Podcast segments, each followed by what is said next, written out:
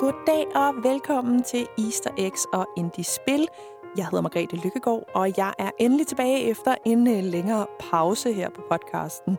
Det er jo frivilligt baseret det her med at gå ned i spiluniverset, så øh, når man får et barn, som jeg gjorde i september, så er det helt naturligt, at man lige holder en lille pause og fokuserer på kerneopgaven. Og øh, det har jeg altså gjort, men nu er jeg så småt tilbage igen. Tak for tålmodigheden, kan man vel godt sige. Jeg er klar med en masse spændende, spilnyheder til dig i dag.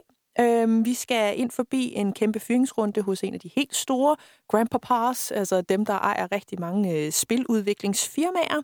Så skal vi tale om Tomb Raider, som havde øh, fødselsdag, eller hvad man skal kalde det her, den 14. februar.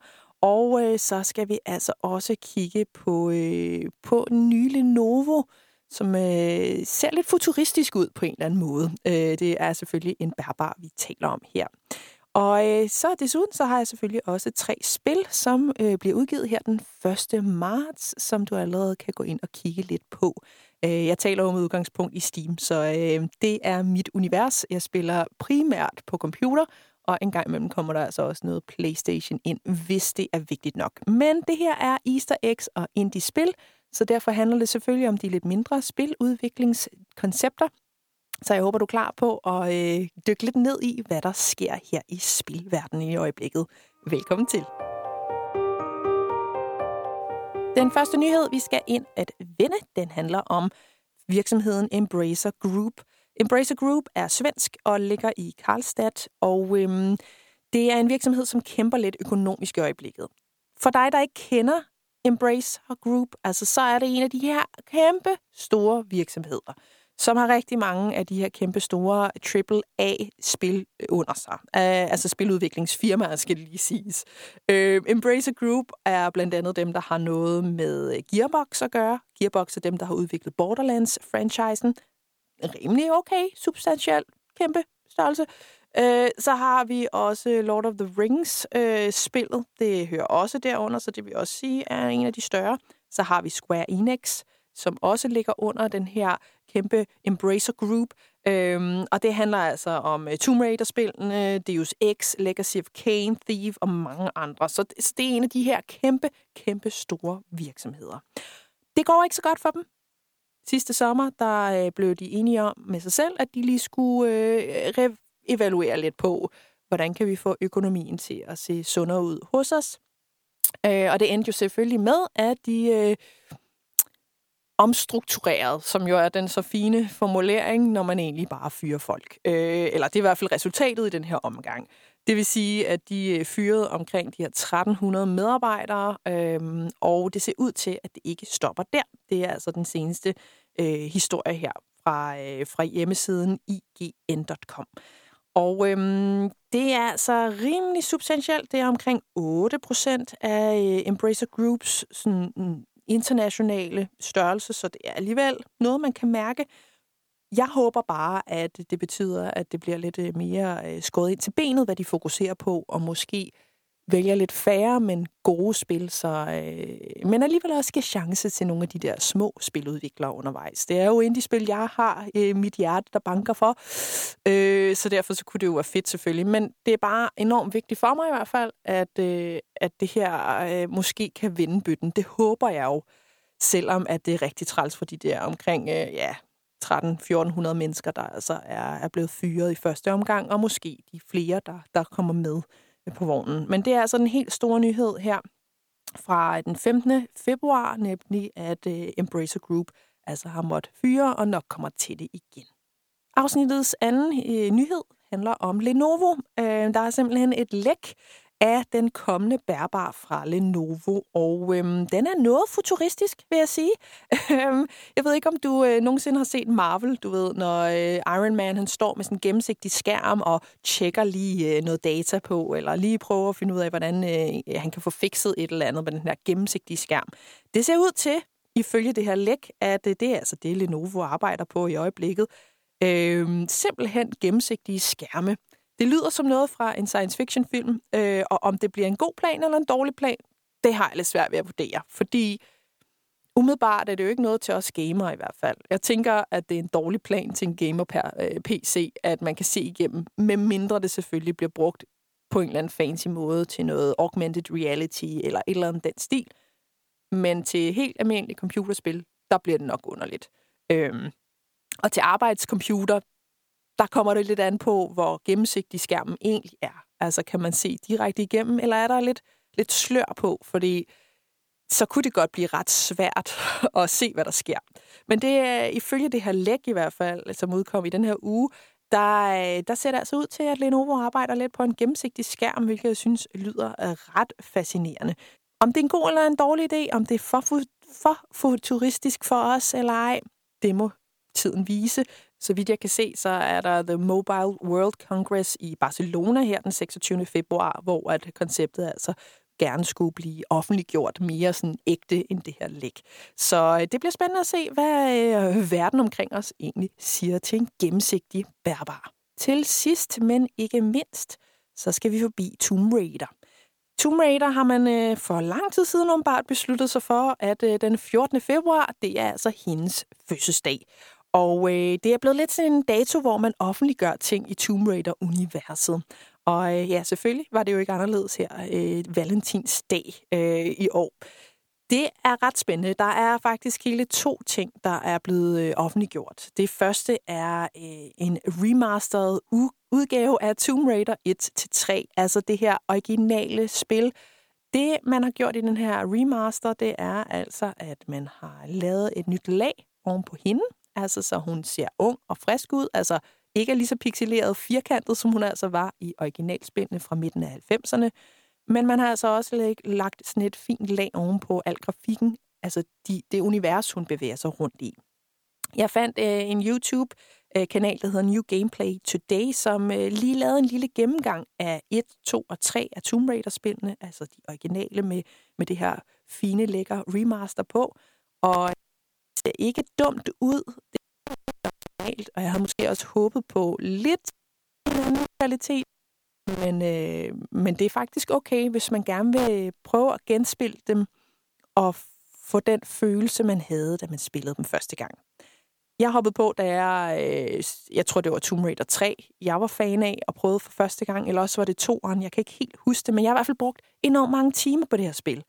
Og øh, jeg har faktisk købt det til Steam, den originale version, og jeg kunne simpelthen ikke finde ud af at spille det.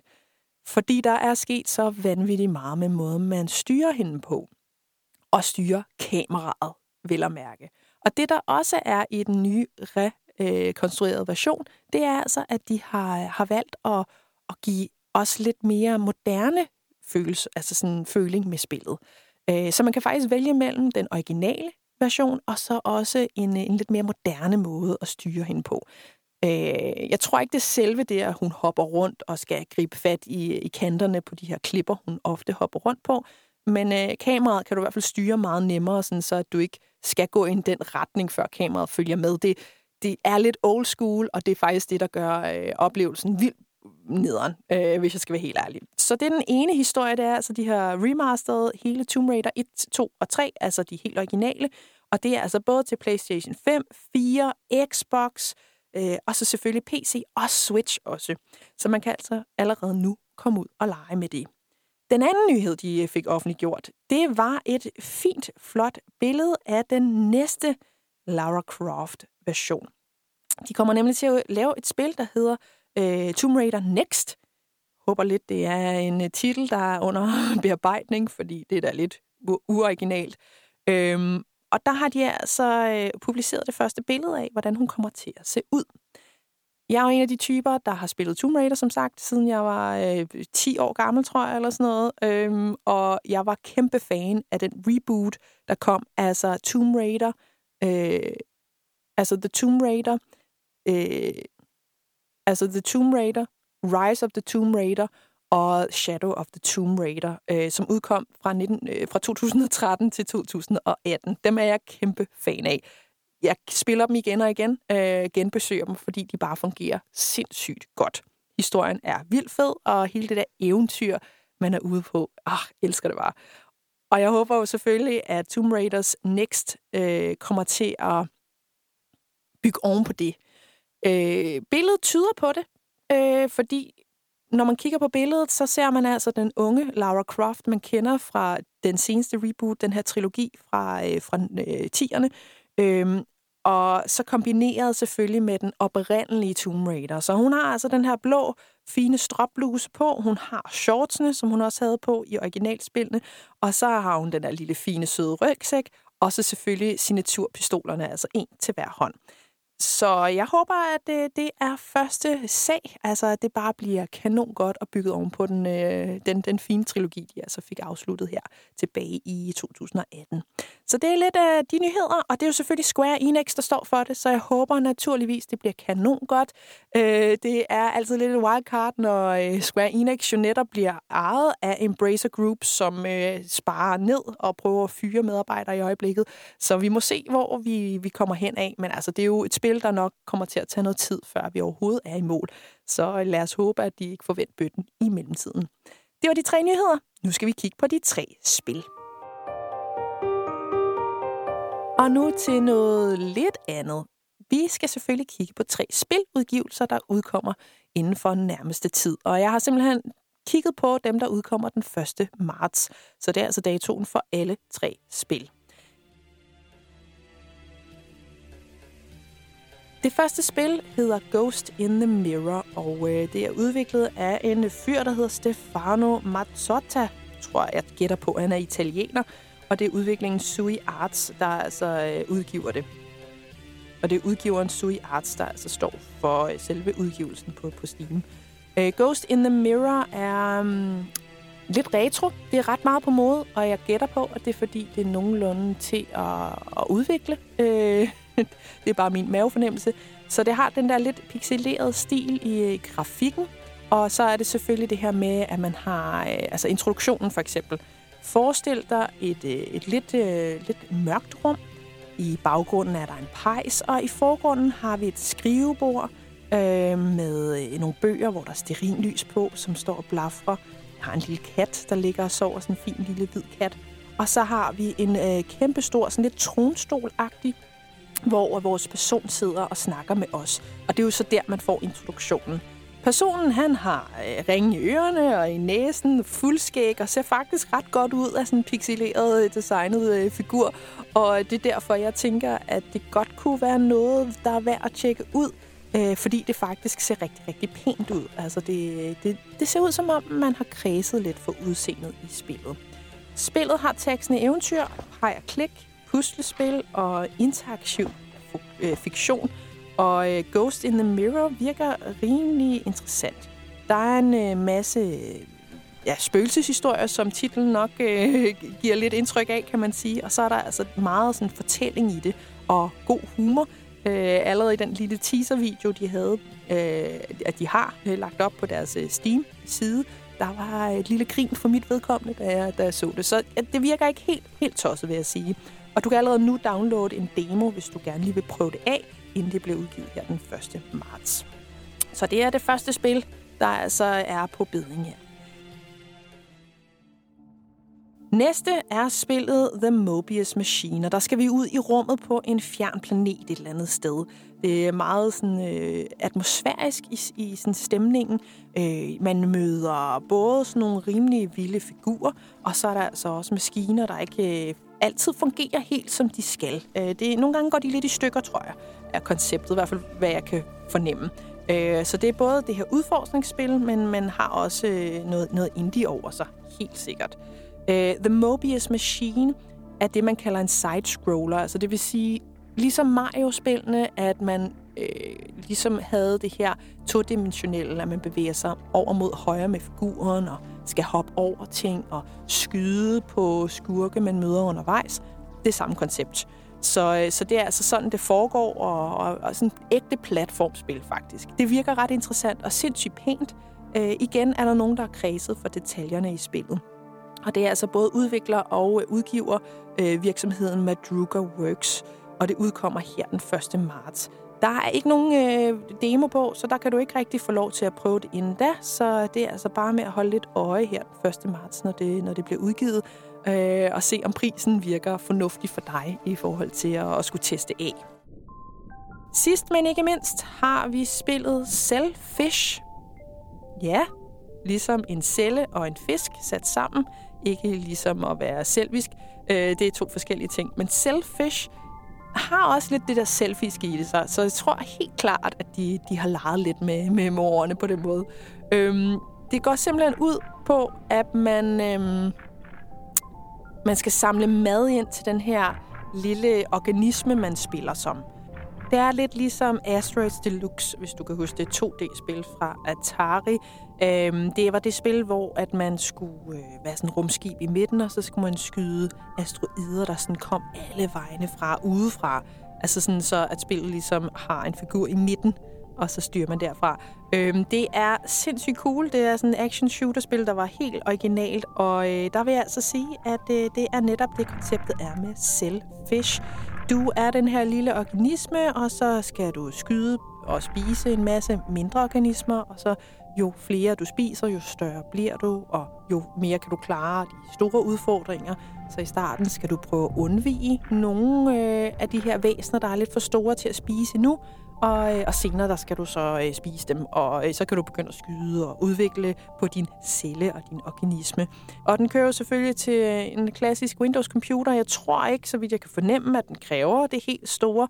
Så, øh, så hvis du er til de her sådan, øh, lidt retrofølelsesagtige spil, så tror jeg helt sikkert, at det kan være noget for dig. Så det var de tre spil, altså Selfish og The Mobius Machine og Ghost in the Mirror øh, som jeg vil anbefale at tjekke ud. Og jeg tænker da også helt sikkert, at når de bliver udgivet her den 1. marts, så skal jeg da helt sikkert lege med dem, og øh, så kan det være, at jeg lidt senere øh, her i løbet af i år kommer til at give en lille anmeldelse af de spil, jeg taler om her. Fordi det er jo totalt øh, op i, i, øh, i luften, hvordan spillet reelt er. Der er ikke nogen, der har anmeldt dem endnu, så... Øh, det må komme an på en prøve, tror jeg. det kan være, at man skal leve lidt eventyrligt en gang imellem. Sådan har jeg det i hvert fald selv. Jeg håber, at du nød dette afsnit af Easter eggs og Indie Spil. Hvis du har lyst til at anbefale den her til nogle af dine kammerater, så er du hjertelig velkommen til det. Hvis du har feedback eller andet, du godt kunne tænke dig at fortælle mig, så har jeg en Facebook-side, der netop hedder Easter eggs og Indie Spil, som jeg vil forsøge at holde opdateret, sådan så at du kan vide, hvornår det næste afsnit kommer af min podcast. Det bliver lidt random her i starten. Øh, der er noget, der lige skal på plads med livet, men øh, det håber jeg, at du, øh, du har lyst til at lytte med alligevel. Jeg er i hvert fald glad for, at du kom hele vejen hertil, og vi to, vi lyttes ved i næste afsnit.